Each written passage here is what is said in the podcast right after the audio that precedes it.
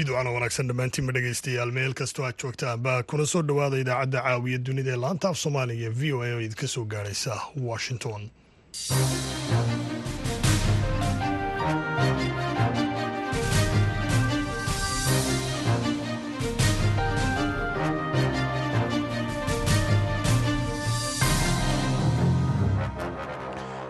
waa fiidnimo isniina taarikhduna ay tahay. Labaatanka bisha noofembar ee sanadka waxaad naga dhegaysanaysaan moojada gaagaaban ee lixiyo tobanka iyo sagaaliyo tobanka mitirban iyo weliba guud ahaanba dunidood nagala socotaan boggayaga v o a somali com. Haataana dhegaystayaal saacadda afrikada bari waxay tilmaamaysaa toddobadii fiidnimo. Idaacaddana waxaa halkan idinkala socodsiin doona. Anigoo ah cabdixakiin maxamuud shirwac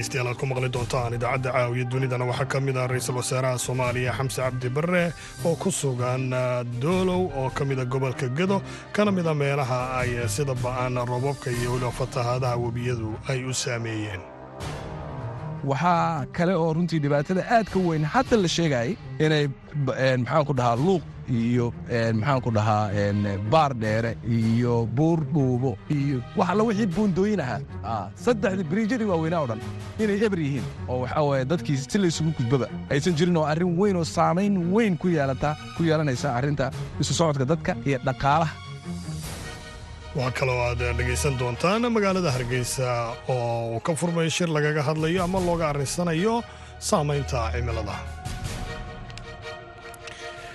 Qodobadaasi iyo weliba kuwa kale ayaad dhegaystayaal ku maqli doontaan intaan idaacadda ku guda jirno hase yeeshee marka hore ku soo dhowaada. Qaar ka mida qodobadii wararka adduunka ugu waaweyna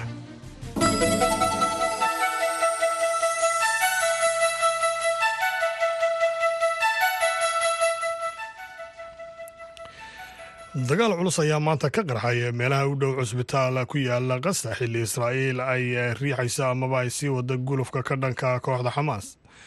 Wasaaradda caafimaadka ee xamaas ay maamusho ee ku taalla qasa ayaa sheegtay in ugu yaraan labayo toban qof ay dhinteen.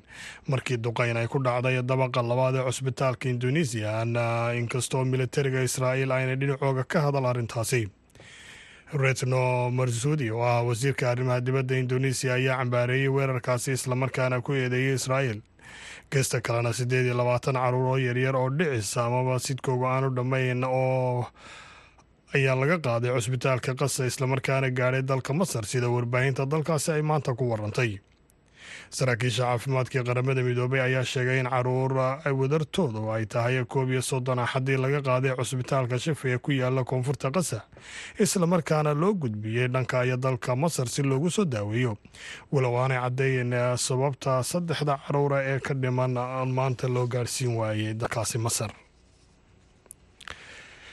Xogeya gaashaandhigga ee maraykanka leo restin ayaa maanta safar aan hore loo sii shaacin ku tegay magaalada kiyef ee caasimada waa dalka ukrain si uu u muujiyo in reer galbeedku ay la jiraan dalkaasi islamarkaana ay ugu xaqiijiyo hogaamiyaashu ay dalkaasi ukrain in maraykanku uu sii wadi doono taageerada uu siiyo dagaalka uu dalkooda kala hortegaya amaba uu kula jiro duulaanka ruushka.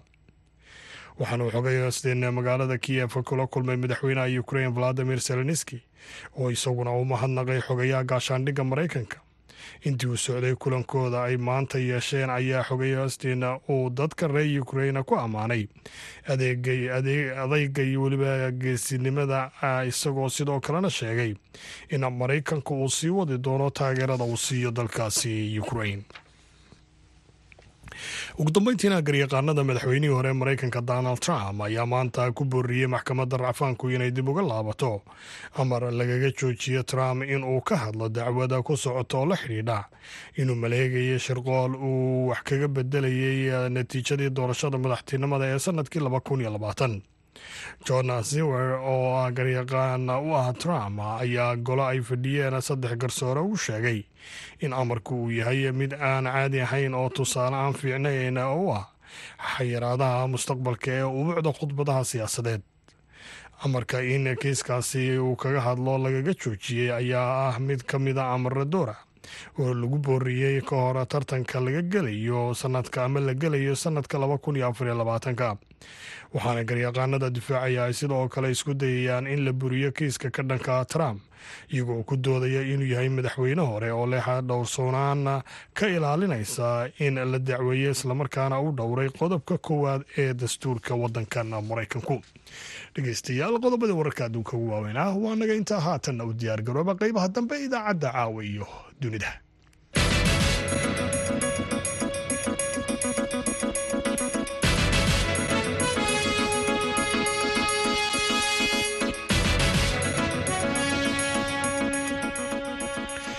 mar kale ayaan idin leeyahay dhammaantiinba fiiducana wanaagsan meel kastoo aad joogtaanba xilli deegaanada gobolka gadow si weyn u saameeyey amaba ay u saameeyeen daadad iyo weliba fatahaado ka yimi webiga kana dhashay roob mahiigaana oo ka da'ay degmooyinka gobolka gadow islamarkaana ay ka dhasheen dhibaatooyin kala duwan ayaa dowladda soomaaliya iyadoo ka duulaysa si dadkaasi xaaladooda loo ogaan lahaa. Waxaa halkaasi gaadhay gobolkaasi gadow wafdi uu hogaaminayay ra'iisul wasaare xamse cabdi bare isagoo u kuurgelayay xaaladda bini aadamnimo ee ka jirta gobolkaasi warkaasi waxaa kismaayo ka soo diray aadan maxamed ah salaad. Wafdigan maanta gaaray degmada doolow ee gobolka gado ayaa waxaa hogaaminayay ra'iisul wasaaraha xukuumadda federaalk soomaaliya xamse cabdi bare iyadoona sidoo kale ay halkaasi si weyn ugu soo dhoweeyeen mas'uuliyiin ka tirsan maamulka jubbaland oo hogaaminayay madaxweyne ku-xigeenka koowaad ee jubbaland maxamuud sayid aadan iyo sidoo kale qeybaha kala duwan ee bulshada degmada doolow ee gobolka gado ra'iisul wasaaraha ayaa u kuurgelayay xaaladaha bini'aadanimo ee ka jira gobolka gado iyo saameynta dadka gobolkaasi ku nool ay ku yeesheen fatahaadihii xoogana ee ku dhuftay gobolka. Waxaana uu ra'iisul wasaare xamse cabdi bare uu tegay goobaha ay fatahaadaha ay ka dhaceen isagoona sidoo kale la kulmay dadka ay sida weyn u saameeyeen fatahaadaha waxaa sidoo kale kulmo gaargaar ula qaatay mas'uuliyiinta maamulka jubbaland ee ku sugan gobolka gado iyo qeybaha kala duwan ee bulshada si uu uga xog waraysto xaaladaha ka taagan halkaasi. Gudoomiyaha degmada doolow maxamed xuseen cabdi lafey ayaa ugu horeyn warbaahinta uga warbixiyey. Waxyaabihii ay ka wada hadleen ra'iisul wasaare xamse cabdi bare iyo sidoo kale waxyaabihii uu ballan qaaday. Ra'isul wasaarihii soomaaliya noogu imaado doolow arrin aad u weyn bay ahayd dhanka kalena dee wuxuu u imaaday inuu arko xaaladaha ay roobabka ay ka dhaliyeen. Degmada doolow isagoo tusaale uga dhiganaya gobolka intiisa kale. Oad ogtihiin hadday luuq noqotay barar iyo buurdhuwo in ay musiibooyin fara badan ay buundooyinka xataa qaarkood ay go'aan dadka maanta buundalaan yihiin ay doomo inta badan ay ku socdaan. Bahayaashaas waan la wadaagnay si gaara degmada doolow waan la wadaagnay ra'isul wasaaruhu uu imaaday oo isaga indhihiisa ku soo arkay xaaladda ka jirto waxaan faahfaahin ka siinay gurmadka ay mataqaanaa hay'adaha iyo dadka soomaaliyeed ay intaba oo isku tashaday ay ka sameeyeen dolow. Isagana insha allahu tacaala waxaan la wadaagnay waxaan rajaynaynaa inuu sida ugu dhaqsiyaha badan uu gobolka iyo gaar ahaan dolow intaba ay gacantiisa iyo gacanta dowladda intaba iyo tan stateka intaba inay soo gaari doonto. Haddana intii arrimahan ay jireen waxyaalo fara badan ay ka geysteen. Hadday qeyldhaan noqoto iyo haddii gargaar deg deg ay noqoto iyo haddii doomo noqoto intaba ra'iisul wasaaraha xukuumadda federaalk ee soomaaliya xamse cabdi bare ayaa walaac ka muujiyey xaaladaha bini'aadnimo ee ka jira gobolka gado isagoona sheegay in ka dowlad ahaan ay dhankooda kaalin weyn ka qaadan doonaan sidii wax loogu qaban lahaa xaaladaha bini'aadnimo ee ka taagan gobolka. Waxaan rajaynayaa in si deg dega degmadan wax looga qabto. Maamulkiina waa joogaaye si ayaga dadku wakaas way isu soo gurmadeen. Waxyaabahan ku fiicannahay dadkeennu ayagaa isu soo gurmanayo ayaga. Marka waxaa weye ilaah idankiis waan ka baxaynaa abaarihii baan ka soo doognay iyo dhibaatadii faraha badnayd. Tanna raxmad badan oo ilaahayna siiye waaya laakiin raxmadda waxay leedahay. Saan sheegnay nuqsaan bay leedahay. Nuqsaamaha wixii culays ay naga soo gaadhay saameynteedana waa ka kabsanaynaa. Dowladda soomaaliyeed oo dhan waxaa waaye waa waxay ku jirtaa heegan ama hadday noqoto federaalka iyo hadday noqoto midda jubbaland labaduba. Heegan baa lagu jiraa meelihii laysoo gudbi waayey doomaan geynay oo siay dadku isugu gudbaan. Dawaan la geeyey haddana waa la keenayaa. Insha allah raashinna waa la keenayaa arrimaha daadadku way socdaan sida ay saadaaluhu sheegayaan weli roobabkii waa jiraan oo roobab waaweyn baa jira. Waxa weye dadku inayna meeshan ku soo noqon oo ay weli ay ka digtoonaadaan inta maaragtay xaaladuhu dhinac u dhacayaan ayaa loo baahan yahay ra'iisul wasaaraha xukuumadda federaalk ee soomaaliya xamse cabdi bare ayaa soo hadal qaaday dhibaatooyinka.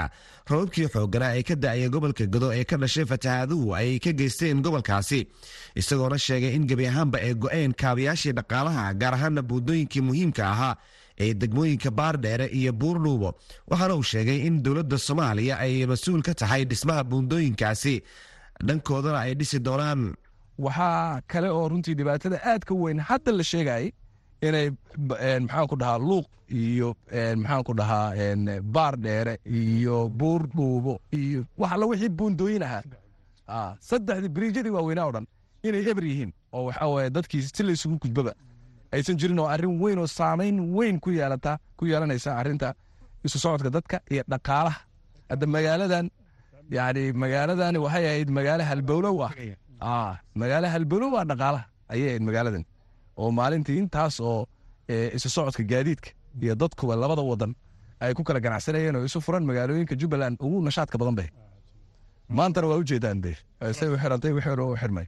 Marka waxaa weye dadkii waxaas ka shaqaynayey ee ku noolaa iyo ganacsatadii iyo wixii o dhan dhaqaalihii o dhan dhulkaas dhul ku galay marka.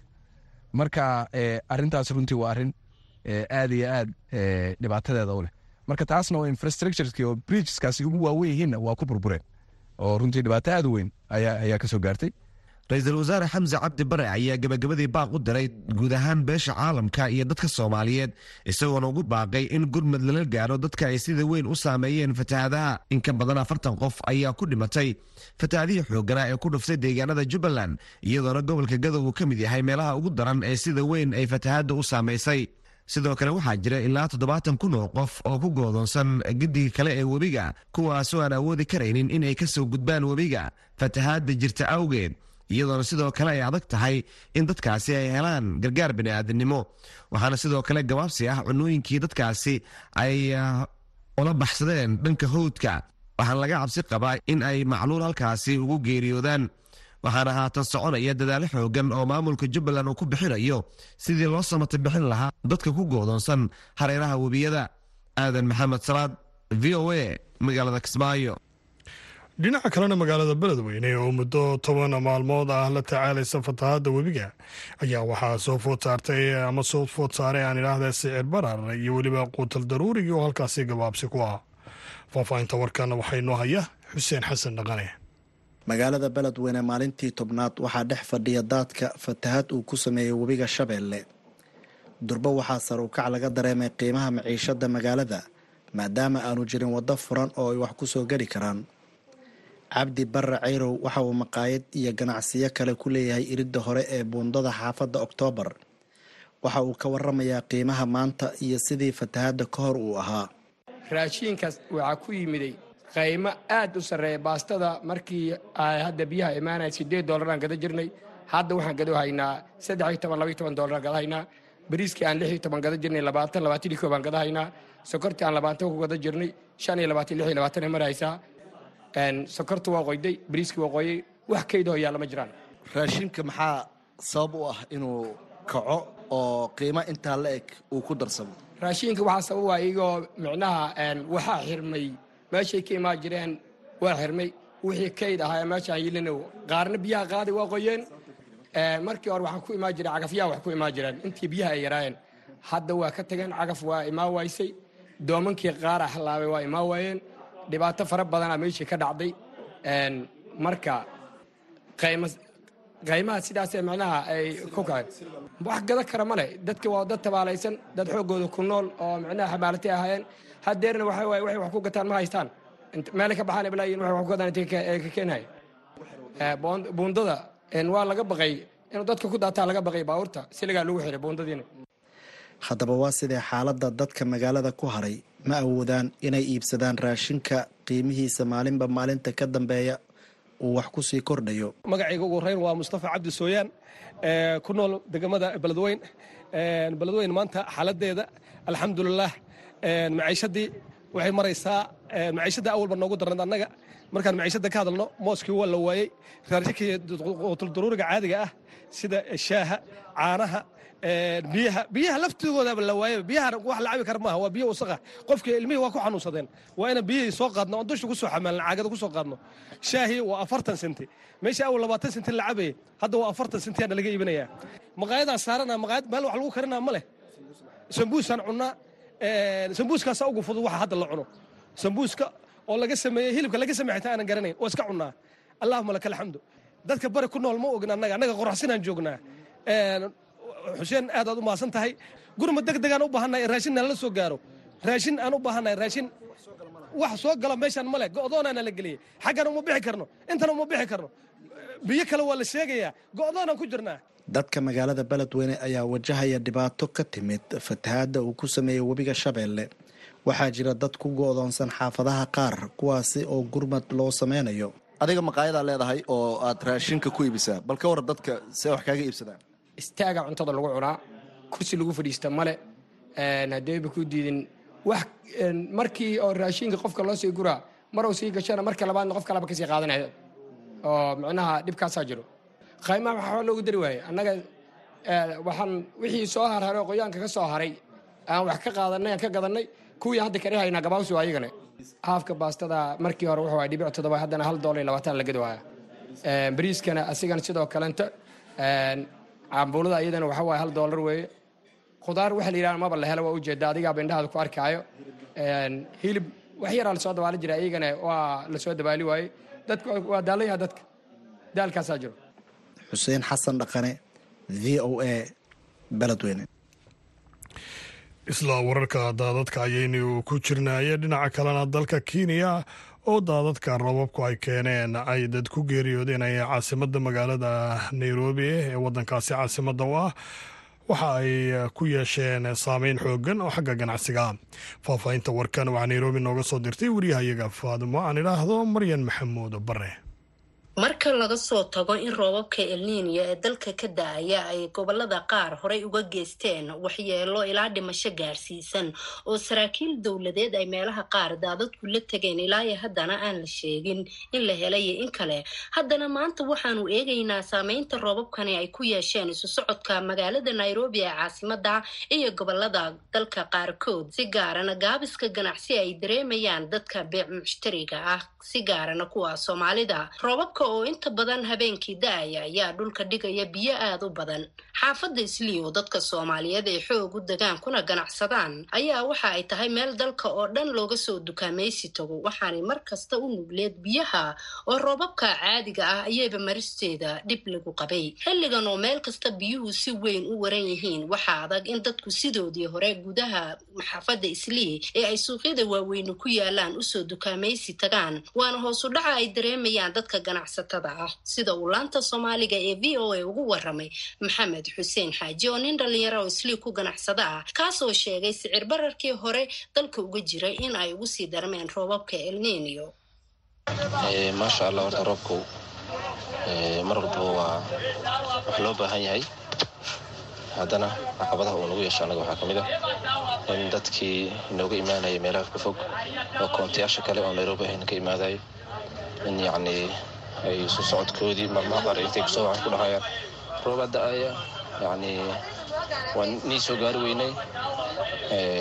Roobku mar walbaba waxa waaye sheege wax loo baahan yahay oo yacni in dadku ay wax beertaan oo dalagu uu soo go-o aaday u fiican tahay oo dadku ay beeraha beertaan. Haddana waxa waaye annagu maadaama aan ganacsatada nahay mar walbo cabashadaynu ma dhammaato because dadku annaga dadkeenu waxay ku xiran tahay koonteeshkaa nogala imaada nairobi bis kastamadayna waxa waaye naguma filla marka asalaamu calaykum maaha dharka oo keliya ee islii oo uu ka jira ganacsi qaybo kala duwan leh ayaa dadkii u soo dukaamaysi tegi jireen ay hakad uga jiraan amaba ay hoos u dhaceen intii xada daadadka qulqulaya oo aan saacideyn inay sidii hore ee lagu yaqiinay u soo camiraan si gaarana dadkii bannaanka uga soo dukaamaysi tegayay magaalada ayaa markaasi laga dareemayaa hoos u dhac. Sida uu v o a isaguna u sheegay ganacsade magaciisa cabaas ku soo koobay oo xaafadda isliyaanu kula kulanay maasha allah horta roobku mar walbaba waa wax loo baahan yahay haddana caqabadaha uu nagu yeesha annaga waxaa ka mid ah in dadkii nooga imaanaya meelaha ka fog oo koontayaasha kale oo nairobi ahayna ka imaadayo in yacnii ay isu socodkoodii maalmaha qaar intay ku soo waxaan ku dhahayaan rooba da'aya yacnii waan nii soo gaari weynay. Roobku mar walbaba waxaa waaye uu sheegee wax loo baahan yahay oo yacni in dadku ay wax beertaan oo dalagu uu soo go'o aaday u fiican tahay oo dadku ay beeraha beertaan. Haddana waxaa waaye annagu maadaama aan ganacsatada nahay mar walbo cabashadaynu ma dhammaato. Because dadku annaga dadkeenu waxay ku xiran tahay marka laga soo tago in roobabka elniiniya ee dalka ka da'aya ay gobollada qaar horey uga geysteen waxyeelo ilaa dhimasho gaarsiisan oo saraakiil dowladeed ay meelaha qaar daadadku la tegeen ilaa iyo haddana aan la sheegin in la helayo in kale. Haddana maanta waxaanu eegaynaa saameynta roobabkani ay ku yeesheen isu socodka magaalada nairobi ee caasimada iyo gobollada dalka qaarkood si gaarana gaabiska ganacsi ay dareemayaan dadka beec mushtariga ah si gaarana kuwa soomaalida oo inta badan habeenkii da'aya ayaa dhulka dhigaya biyo aada u badan. Xaafadda isliyo dadka soomaaliyeed ee xoog u degaan kuna ganacsadaan ayaa waxa ay tahay meel dalka oo dhan looga soo dukaamaysi tago waxaanay mar kasta u nugleed biyaha oo roobabka caadiga ah ayayba maristeeda dhib lagu qabay. Xilligan oo meel kasta biyuhu si weyn u waran yihiin waxaa adag in dadku sidoodii hore gudaha xaafadda islii ee ay suuqyada waaweyne ku yaalaan u soo dukaamaysi tagaan waana hoosu dhaca ay dareemayaan dadka ganacsatada ah. Sida uu laanta soomaaliga ee v o a ugu waramay maxamed xuseen xaaji oo nin dhalinyaro oo islii ku ganacsada ah kaasoo sheegay sicir bararkii hore dalka uga jiray in ay ugu sii darmeen roobabka elniniyo roobabka elninoga da'an saameyn weyn ay nagu yeeshteen. Ganacsiga hadda hoosu aad u jira hoosu aad u dhacay ayadoo marka horeba sicir bararka iyo doolarka kor u kacay saameyn weyn nagu laheyd ayaa haddana roobabkii noogu sii darsameen roobabka dadkii gobolaha nooga imaanaya hadda kama imaadaan maalmaha hoosu aad ganacsiga aad hoos u jiraan. Maaha dharka oo keliya ee islii oo uu ka jira ganacsi qaybo kala duwan leh ayaa dadkii u soo dukaamaysi tegi jireen ay hakad uga jiraan amaba ay hoos u dhaceen intii xada daadadka qulqulaya oo aan saacideyn inay sidii hore ee lagu yaqiinay u soo camiraan si gaarana dadkii bannaanka uga soo dukaamaysi tegayay magaalada. Ayaa markaasi laga dareemayaa hoos u dhac. Sida uu v o a isaguna u sheegay ganacsade magaciisa cabaas ku soo koobay oo xaafadda isliyaanu kula kulanay maasha allah horta roobku mar walbaba waa wax loo baahan yahay haddana caqabadaha uu nagu yeesha annaga waxaa ka mid ah in dadkii nooga imaanaya meelaha ka fog oo koontayaasha kale oo nairobi ahayna ka imaadayo in yacnii ay isu socodkoodii maalmaha qaar intay ku soo waxaan ku dhahayaan. Rooba da'aya yacnii waan nii soo gaari weynay. Roobku mar walbaba waxaa waaye uu sheegee wax loo baahan yahay oo yacni in dadku ay wax beertaan oo dalagu uu soo go'o aaday u fiican tahay. Oo dadku ay beeraha beertaan haddana waxaa waaye annagu maadaama aan ganacsatada nahay mar walbo cabashadaynu ma dhammaato because dadku annaga dadkeenu waxay ku xiran tahay konteesh kale nogala imaado nairobi bis kastamadina waxaa naguma filla roobabkan da'aya oo aada uga badan ugana baaxad weyn kuwii hore. Ayaa xilli dambe oo ayba bilowdeen dowladda waxay ku sheegtay inay yihiin roobabka elniiniyo ee wateeg daadadka iyo fatahaadaha. Raaligelina waxa ay ka bixisay xilliyo hore inaanay digniino ka sii bixin in roobabkani ay yihiin kuwii watay elniiniyo maryan maxamuud bare v o a nairobi dhegeystayaal maryan aad ayay u mahadsan tahay haatan hargeysa haddaba iyadoo ay jirto saameynta ay roobabkaasi oo ay keentay duufaanta elninia ka dhasheen islamarkaana ay saameyn ku yeesheen gobollada geeska afrika ayaa somalilanna waxaa maanta magaalada hargeysa lagu qabtay kulan lagaga arrinsanaya saameynta isbeddelka cimilada ee somalilan warbixinta waxaa hargeysa ka soo diray khadar maxamed cakulle shirkan oo socon doona muddo laba maalmooda waxaa lagu lafagurayaa saamaynta ka dhalatay cimilada isbeddeshay iyo guud ahaanba sida ay u saamaysay nolosha deegaanka iyo bulshada somalilan. Wasiirka wasaaradda deegaanka iyo isbeddelka cimilada ee somalilan marwe shukri xaaji ismaaciil baandare ayaa sharaxday sida ay somalilan maanta uga mid tahay meelaha laga dareemay isbeddelka cimilada. Maanta halkan waxaanu u wada joognaa dhammaanteen inayn waxaa halkaa ka soo bixi doona biidnillaahi kariim inaynu ku dhaqanno oo lagu dhaqno oo haddii alla yidhaahdo si weyn loogu dhaqmo. Geedkiiba wuxuu masruufayaa oo u shaqaynayaa. Toban qof markuu jiradiisu weyn tahay. Markay jiradiisu ay tahay shan iyo soddon ilaa soddon sentimitar markuu yahayna shan qof buu u shaqaynaya. Wixii ka weynina sagaal qof toban qof. Maalin walbana waxaynu soo goynaynaa de waa run wixii inaga inaanfici lahaa ee hawada aynoo safayn lahaa. Waxaynu ku celinaynaynu beeraynaana waa wax aad iyo aad u yar waa wax yar oo kooban baynu ku celinayna waa intaanu anaga beero iyo inta qof qofka isxilqaamaa uu beero. Bal markaa sidaynu yeelayna haddii aan laydhaha adduunyadana waynu arkayna adduunyadan aynu arkayno maanta inagu haddaynu nahay somaliland ma aha excuse yani layma ictiraafin excuse maaha ma aha wax inaga maaragtay inaga iibsamaya ma aha wax inaga iibsamaya waa dhaqaalahayga hooseeya danta ay ugu kalifaysaa ma aha because danta markay kugu kalifaysa ad imika cunayso maxaad uga tegaysaa kaad adigu dhashay kuu sii dhalay kuu sii dhalay maxaad uga tegaysaa sii rodey waxaan halkaa kaga baxaya wax walba waxay ka unkamaan. Waa shuruucda sharciyada weyn. Shuruucda dalka u taala ee wasaarad walba ay leedahay in laga shaqaysiiyo oo la eego in ay ku shaqaynayso oo sharcigaasi u shaqaynayo isbeddelka cimilada iyo environmentka iyo deegaanka inuu shaqaynayo. Dhinaca kale wasiirka kalluumaysiga iyo horumarinta xeebaha somalilan raabi cabdi maxamed ayaa isdultaagay in dalalka afrika iyo dunida saddexaadba ay dhibbana u yihiin waddamada horumaray ee qaaca warshadaha ku sii daaya hawada.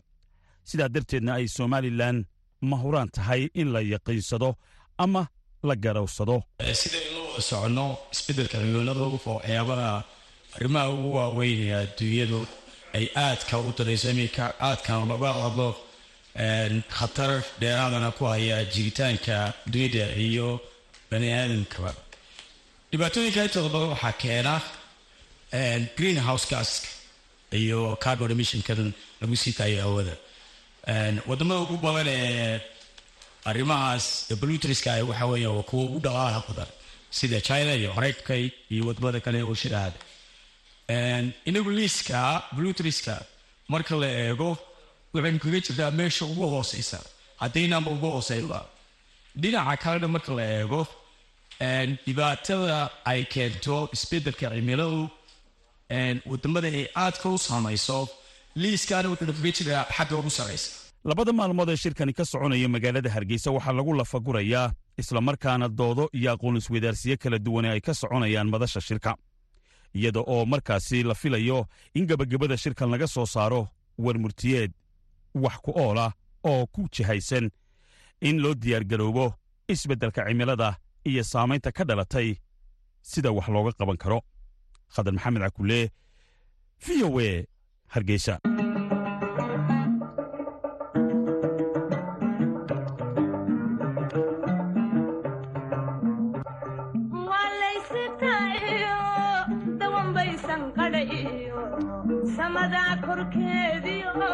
sudhan ogaadaydo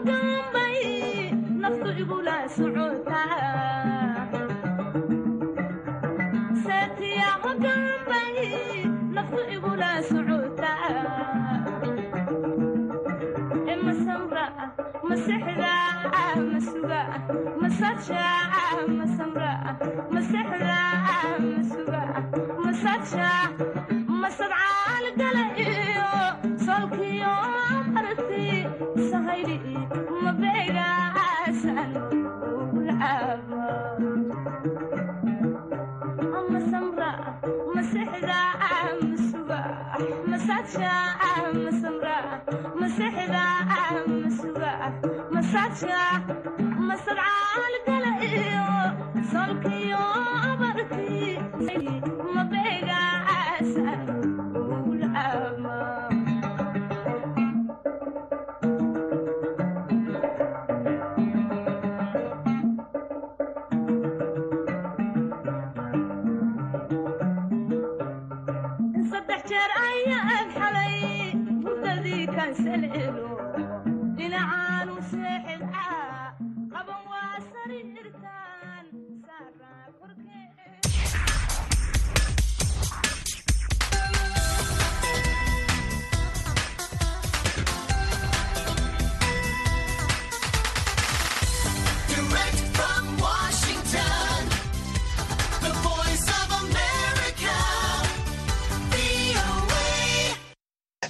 wanaagsan dhegaystayaal ku soo dhowaada barnaamijka toddobaadlaha ee caweyska dhadhaab kaas oo idinkaga imaanaya.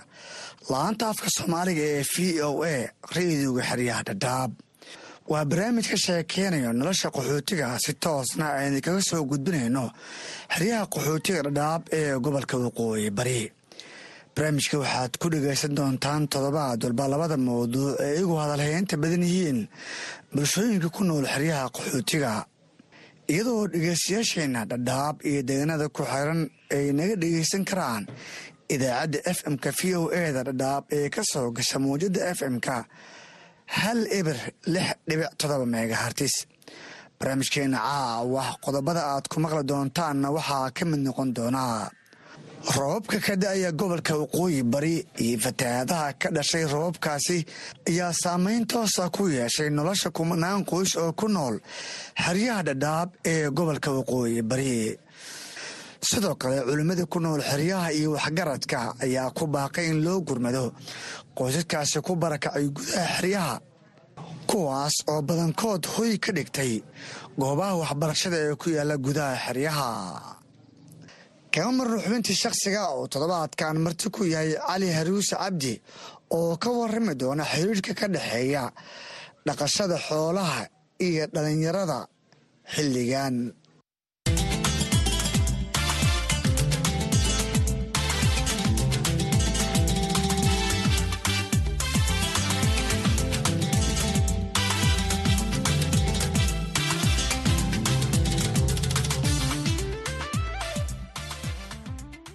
barnaamijka haddii rabbi qadaro waxaa idinla socodsiinaya aniga oo ah cabdisalaan axmed.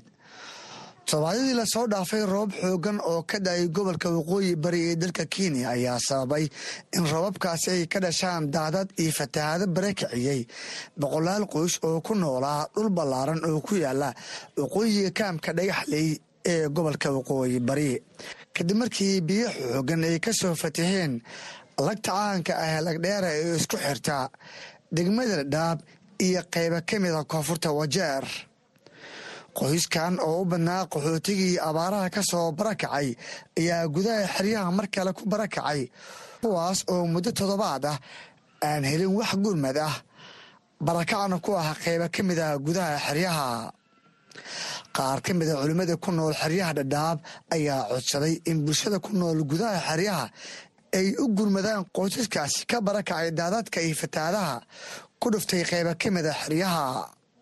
Sheekh maxamed xuseen marsheey oo ka mida culimmada xeryaha ayaa ugu horeyn la hadlay barnaamijka caweyska dhadhaab awalan waxaan u mahad celinahayaa bahda v o a. Haddii aan ka warbixino alxamdulilahi rabbialcaalamiin nimca ilaahayna siiyey oo roob baa la helay. Nimco kastoo ilaahay ummadda siiyeyna nusqaanteeda way wadataa. Dadkii qaxootiga ahaa ee deganaa xarooyinka qaxootiga ee dhadhaab gaar ahaan xarada dhagaxley aad bay u barakaceen. Sidaa og tihiin xaafada xaafadaha ka mida baloogyada ka mida way qaxayn dad kale ku korqaxeen dadkii qayb ka mida waxay degan yihiin iskuulladii. Qayb ka mida goobihii hay'adahay dhex degeen qayb ka midana bannaanadii ay degan yihiin qaybna dadkii baa martigeliyay oo walaalahood ah codsiga koowaad waxaan leeyahay markan intaa ayaga ah ee bulshadan dhibaatada ay imaatay inay isku naxariistaan sababtoo tahay waxaa dhacaysaa inay dadkii isku xitaa dhacaan oy keenaan biyihii baad igu soo fakisay adaa igu soo fakinahayo middaa waxaan leeyahay horta isku sabra waxan waa biyo way idin dhaafinayaan midda labaad waxaan leeyahay qof kasta oo islaama waxaa laga doonayaa nabigeena salawatullahi wasalaamu caleyh wuxuu ammaanay gacanta sarrayso ee ma ammaanin gacanta hoosayse wax la siiyo. Waxaan isku daynaa cid walba inaan noqonno dadka dadka caawiyo. Ganacsada ha noqdo culimmada ha noqoto bulshada qaybaheeda kale ha noqoto. Dadkaa in la caawin karo waad dareemi kartaa nin guri la'aan ahaa buush deganaa buushkii uu deganaana uu daad ka qaaday meel uu wax ku kariyala inay ma culays iu jiro. Xitaa ninkii hal bac hal qoos u heli karo inuu siiyo. Ninkii ma macnaha uu u heli karo digsi uu wax ku karsada dadka asaga ah inuu ku caawiyo. Waxaa iigu naxdinta badnayd shalay waxaan arkay nin igu yidhi habeen hore xitaa ilmaha dab uma saarin. Raashinkii baa ka qoyey waa yaallaa.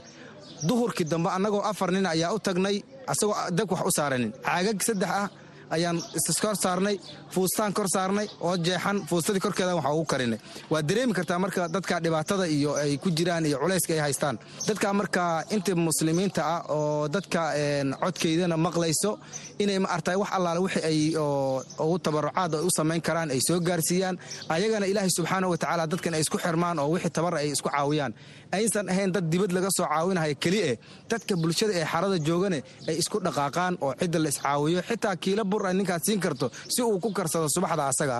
Marka waxaan leeyahay dadka ay kareetooyinka u yaallaan ha caawiyaan dadka ayaga. Aad buu mahadsan yahay kaasan wuxuu ahaa sheekh maxamed xuseen marsheeye oo noogu warramay gudaha xeryaha dhadhaab ee gobolka waqooyi bari dhinaca kale maxamed haadi oo ka mida odayaasha dhaqanka soomaalida ayaa dowladda dalka iyo hay'adaha samafalka ka codsaday in la xiro dhulka jilacsan ay fatahaadaha dooxooyinka ay ka soo dusi karaan.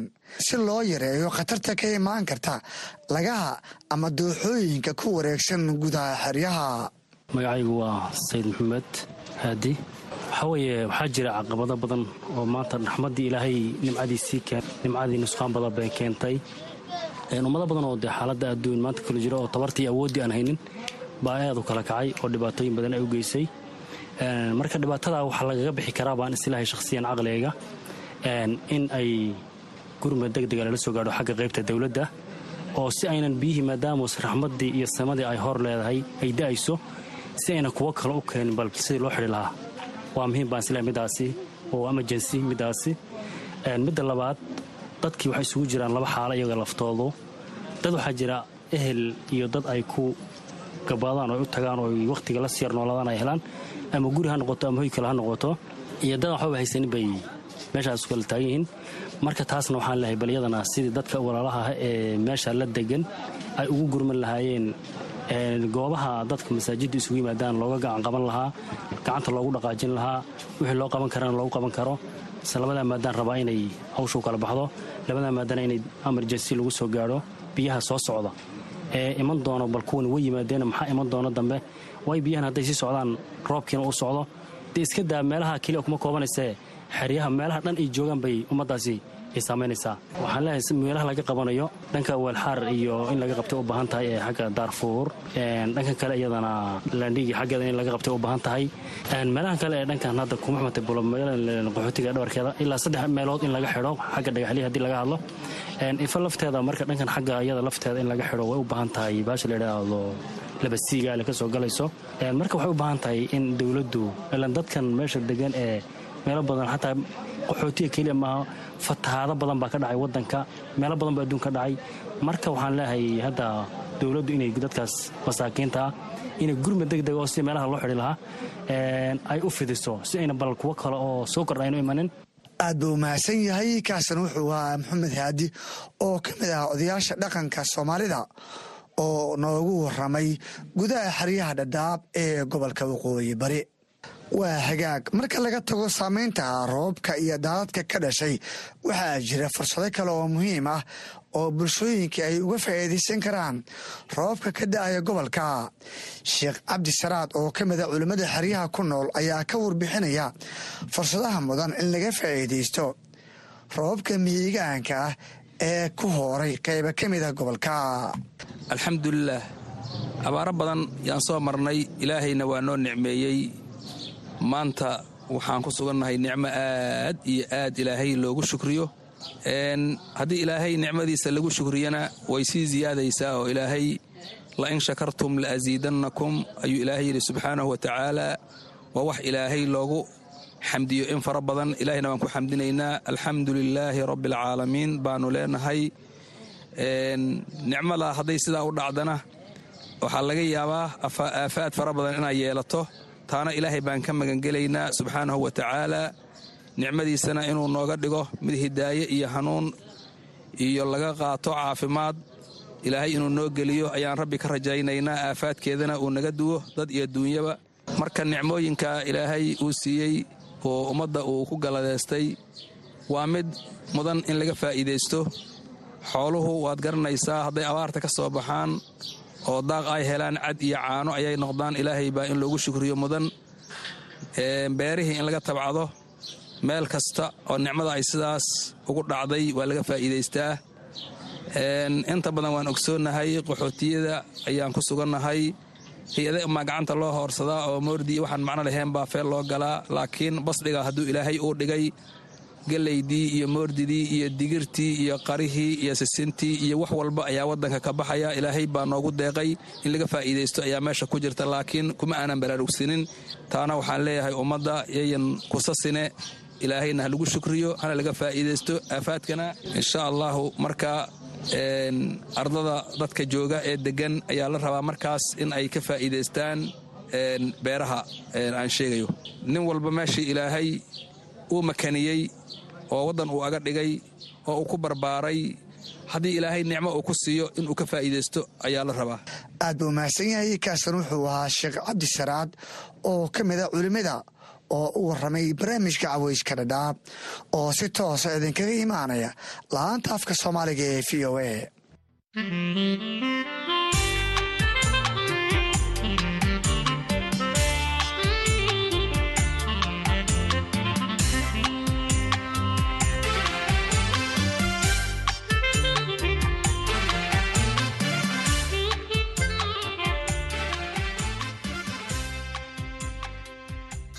soo gaarnay qaybihii dhexe ee barnaamijka. Waxaan idinku soo maqan warar kale oo ku aadan qaxootiga iyo isla roobabka ka da'ay gobolka balse iminka idinku wareejiyo saaxiibkay axmed cabdilaahi jaamac oo stuudiyaha igula sugan si uu noogu soo tabiyo barnaamijka qaybihiisa kale.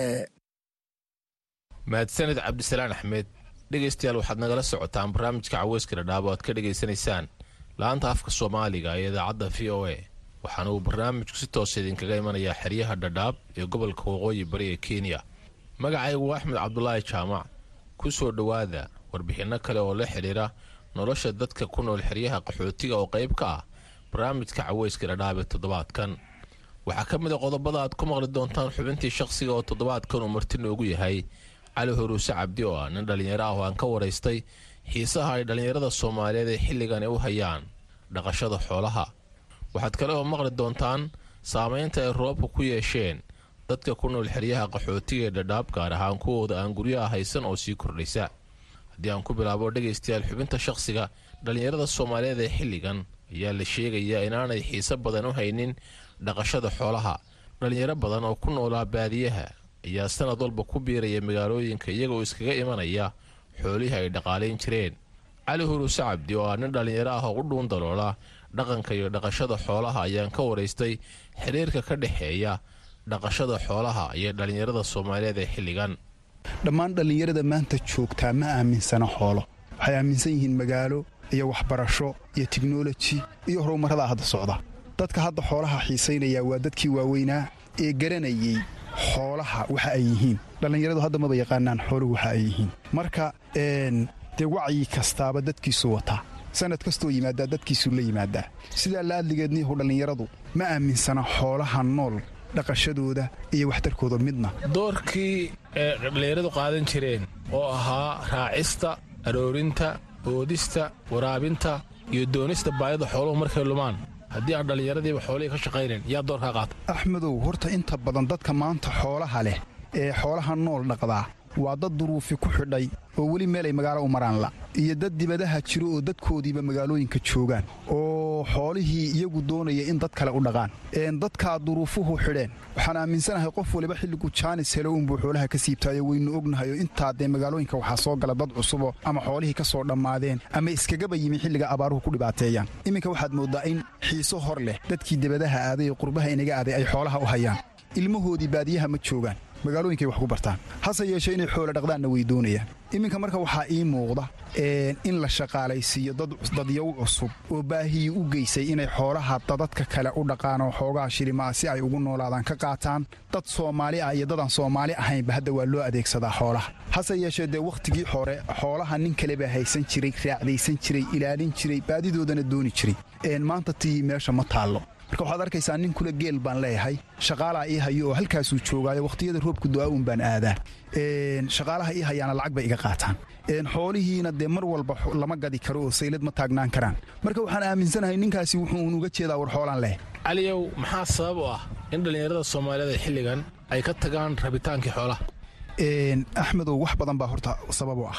Innaga soomaali ahaan xoolodhaqataynu ahaan jirna dowladdeennii way burburta dadkiina dhan walba wuu ka burbura sidaa la'adligeed abaaraa haddana dalkii ka dhacay oo aafeeyey xoolihii. Teknolojiyad iyo muxuu ahaaye adduunyooyinkii oo horay tallaabo u qaaday oo aad mooddo inay ka guurayaan xoolihiina dee waynu aragnaa innaguna ka mid baynuna sidaa la'adligeed waxaad mooddaa noloshiibaa waxay ka baxday. Ka hoos baxday xoolihii lagu noolaa. Waad og tahay axmedow maanta gurigaaga inta badan waxaa laga yaabaa inaan laga cunin oon xoolaad bariiskii baa yaalla baastadii baa taalla sonkortii baa taalla saliiddii baa taalla. Carruuraha guriga inoo jooga saliid caddayda iyo subagga xoolaha waxay jecel yihiin saliid caddayda. Taasaa marka waxay keenaysaa dadkii yaryaraa ama jiilashii soo kacayay inay aaminaan xooluhu inaanay waxbaba ahayn marka waxaan aaminsanahay dadkan hadda aynu wakhtiganaynu joogno. Wakhtiyo hadda inagu soo fool leh oo iman doona. Dee hadda wuxuun baynuba xoolaha ka sii haynaaye in si cad looga gudbi doono oo la odhan doono wakhti baa xoola la dhaqan jira hadda weli waxbaabaa laga sii dhaqdaa. Marka wakhtigaa keenaya axmedow in xoolihii iyo dadkii kala dhaqaaqaan oo la yidhaahdo xoolihii loo arko inaanay waxba nolosha ku soo kordhinaynin. Sidee dhallinyarada soomaalida xilligan loogu soo jeedin karaa qiimaha ay xooluhu leeyihiin waxaa loogu soo jeedin karaa axmedow xoolihii in marka koowaad sida saxda ah looga faa'iidaysto. In xoolihii suuq loo helo. Xoolihii in suuq loo helo. In caanihii xoolaha suuq loo helo. In dadka la fahansiiyo qaabka xoolaha loo dhaqdo. Waad og tahay waddammada horu maray. Siyaabaha xoolaha ay uga faa'iidaystaan innagu ugama faa'iidaysanno. Waxaa laga yaabaa xoolihii adiga oo si dhib yar ku dhaqaalayn kara inaadan fahansanayn sidaad ku dhaqaalayn lahayd. Waad aragtay caalamka markaad fiiriso tadarin wax layidhaahdo baadhookin waxyaabo badan baa xoolaha lagu xanaaneeyaa. Hase yeeshee innagu ma fahansanin. Waxaa dhici karta geedaha duurka ka soo baxay ama ugbaadka duurka ka soo baxay xilliga uu dhammaado ee abaari dhacdo.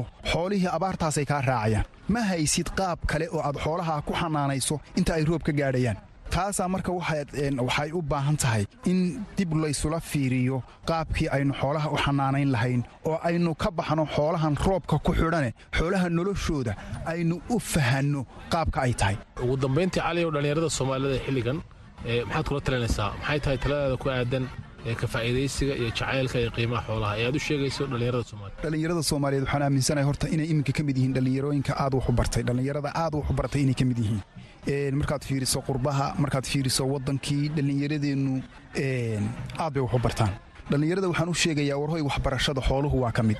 Sida agrikalturga beeraha loo barto ama muxuu ahaay loo barto joolajigaba xoolahana loo bartaa dhaqashadooda. Waxayna ka faa'iido badan yihiin xooluhu labadaa sistam ee hadda aan soo qaaday labadaba way ka faa'iido badan yihiin waxaa looga fadhiyaa dhallinyarada soomaaliyeed in ay bartaan cilmiga xanaanaynta iyo dhaqashada xoolaha iyo ka faa'iidaysiga muxuu ahaaye khayraadka xoolaha. Taasaa looga fadhiyaa dhallinyarada soomaaliyeed. Waxaana leeyahay war dhallinyaradaa looga baahanya cid kasta dhallinyaradaa beddesha. Cid kasta oo hormartay haddii aad aragto dhallinyaradeedaa hormarisay. Waxaa loo baahan yahay inaynu la nimaadno cilmigaa isaga ah dadaalkaa isaga ah waana cilmi dee adduunka yaalla. Maanta adduunku koob buu ku wada fadhiyaa adduunku maanta waa teknoloji meel walba cilmigii wuu yaallaa marka cilmiga xanaanaynta xoolaha dhaqashada xoolaha iyo ka faa'iidaysiga khayraadka xoolaha waxaan filayaa dhallinyaradeenna looga fadhiyaa cilmigaa isaga ah. Waxaana leeyahay waa cilmiyada cilmi ka mida cilmiyada ugu faa'iidada badan cilmiyada la barto. Mar haddii markaa aynu fahanno qaabkii xooluhu u noolaan lahaayeen ama aynu u beerno calaf ama aynu muxuu ahaay qaab kale u maarayno oo aynu muxuu ahaay ka baxno xoolaha kan xilli abaaraadkana jabaya xilliga dooggana soo fufaya xoolihiina suuq loo helo iyagiiyo caanahoodiiba. Taasaa waxay keeni doontaa in dadkii xoolihii ay dib ugu laabtaan? Taasaa keeni doonta marka waxaan aad iyo aad u aaminsanahay inaynu dib isula fiirinno dhaqashada xoolaha. Qaabkii ay ahaan jirtay ma sii ahaan karto oo wakhtigii wuu xumaaday. Cimiladii baa isbeddeshay abaarihii baa batay dhulkii qalalaabaa batay dhirtii baa nabaad guurtay. Sidaa la'adligeed waxaynu u baahannahay inaynu dib u fiirin ku samayno xanaanayntii xoolaha iyo dhaqashadoodii. Kaasi waxa uu ahaa cali huruuse cabdi oo marti iigu ahaa xubinta shaqsiga oo qayb ka ah barnaamijka caweyska dhadhaab toddobaadkan. Geesta kale dhegaystayaal roobabkii xilliga deyrta oo weli ka daayay xeryaha qaxootiga ayaa saameyn ku yeeshay dadka aan haysanin hoyga ee ku nool xeryaha qaxootiga. Qoysaska ugu sii darani waa kuwii ugu dambeeyey ee ku biiray xeryaha oo aan iyagu helin guryo iyo meelo ay degaan. Roobabka oo ah kuwo xooggan ayaa saameyntoodu ay aad u sii kordhaysaa hamaaney hilow xuseen oo ka mid a qaxootiga ku nool xerada xagardheer ayaa ka hadlaysa saameynta ay kala kulantay roobabka da'aya. Ba'a ma haysada katiifad ma haysada saaska doga waayal ee handhuule ed lagu qabna dhan qabna jilbun qabna sariir iin saaran mankayad aragtoob hooru ba'a ma wal ilaahay uuma on haysada madlee saada shaqin jeeda na waayal ee shaqin jeeda dhardhago un jeeda hun gudug naftiina had ma ordayle haysna ma ordayti ma iin aamaw soorta gadayto on qari ma iin aamaw waayal mun qayin dhaafadhi islaan ilaahay na aragi intaa kay goora waan haatawle yalla yalla weystale oo gidi hamaaney waxay sheegtay in roobabku ay ka qooyeen wax walba oo ay haysatay ayna deggan tahay dhul biyo fadhiisada oo u nugul daadadka roobka eedanin uy roobka eedanin uy laq inishee fadhina laqta buuta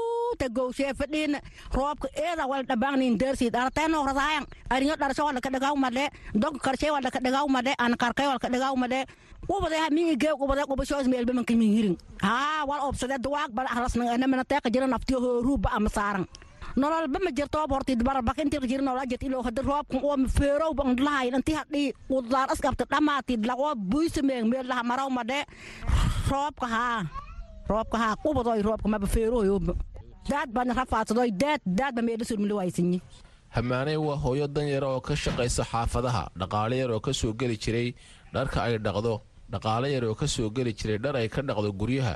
Ayay sheegaysaa inay weyday waxay ku iibsato. Roobabka oo jidadka gooye awgeed dhardhagow kusuun haano tuuro howal qaata mau ban hayna yaa ya dhama boqol laakiin qobada lamada boqolna agiraabtaba deengan ruba asa qoray wayaa lehed unka gadhi matodobaato unka gadhi yoy ka dhiibti ki kiilag buude wal laka aamaw male nyaanyay male baradhe male koosta male wal ilaahay umayda ka aamaw male kabesha isakung male walaagi iskabaan reed ba goytay hereedal kor fadhi oo biidhaha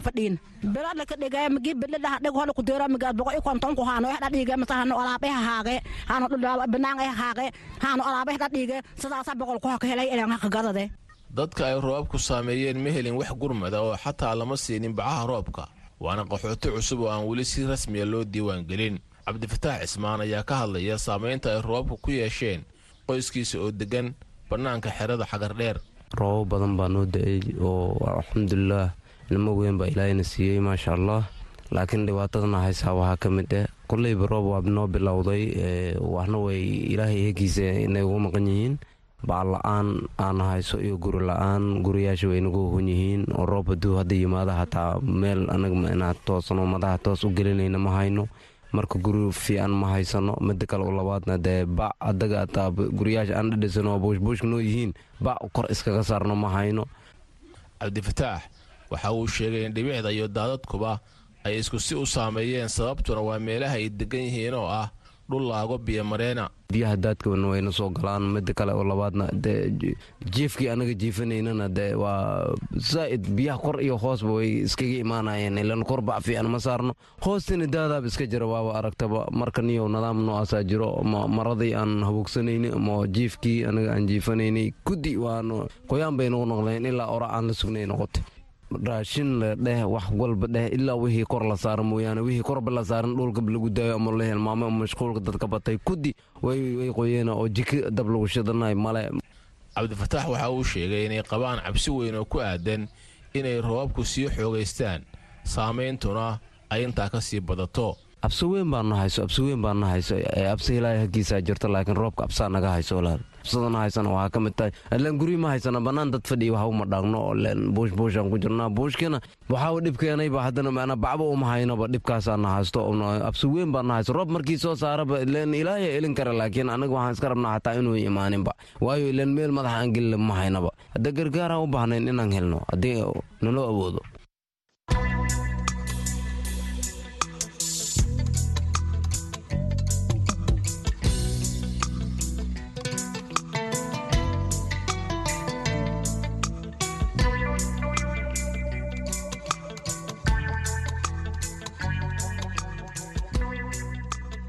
dhegaystayaal. Inta ayuunu igu egyahay barnaamijkii caweyska dhadhaab ee toddobaadkan. Intaas aanan ka bixin aan mar kale mikrofoonka ku soo dhoweeyo saaxiibkay cabdisalaan axmed cabdisalaan oo barnaamijka ila daadihinayey mahadsanid axmed dheere dhegaystayaal haatanna aan ku nasanno mid ka mid ah kaalimaha sugaanta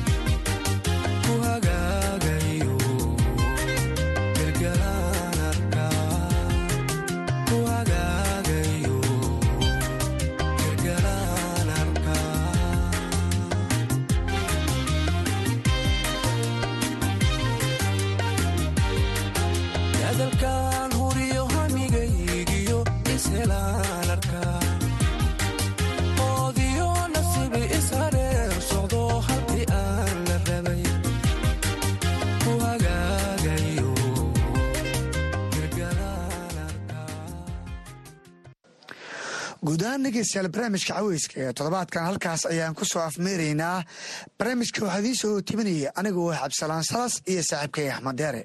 Tan iyo toddobaadka xige intaan dib